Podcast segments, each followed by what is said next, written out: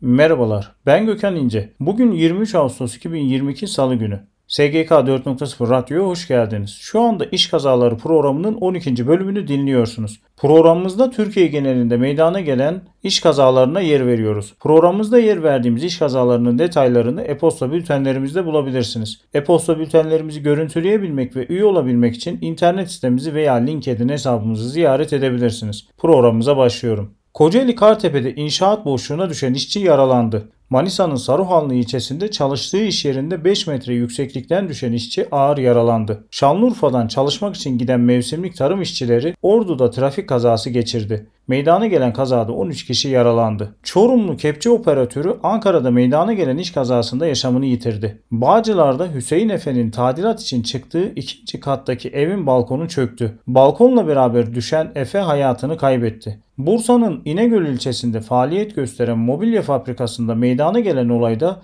elini makineye kaptıran işçinin iki parmağı koptu. Zonguldak'ın Ereğli ilçesinde demir çelik fabrikasında bir işçi elektrik akımına kapılarak yaralandı. Kırşehir'de yüksek gerilim hattında çalışan Ordulu işçi Uygar Daşkın geçirdiği iş kazası sonucu hayatını kaybetti. Zonguldak'ın Kozlu ilçesinde forklift devrilmesi sonucunda bir kişi altında kalarak can verdi. Şanlıurfa Akçakale yolunda çalıştığı sırada üzerine demir rampa düşmesi sonucu bir işçi hayatını kaybetti. Ben Gökhan İnce. İş Kazaları programının 12. bölümünü dinlediniz. Programımızda Türkiye genelinde meydana gelen iş kazalarına yer verdik. Programımızda yer verdiğimiz iş kazalarının detaylarını e-posta bültenlerimizde bulabilirsiniz. Bir sonraki yayında görüşmek üzere.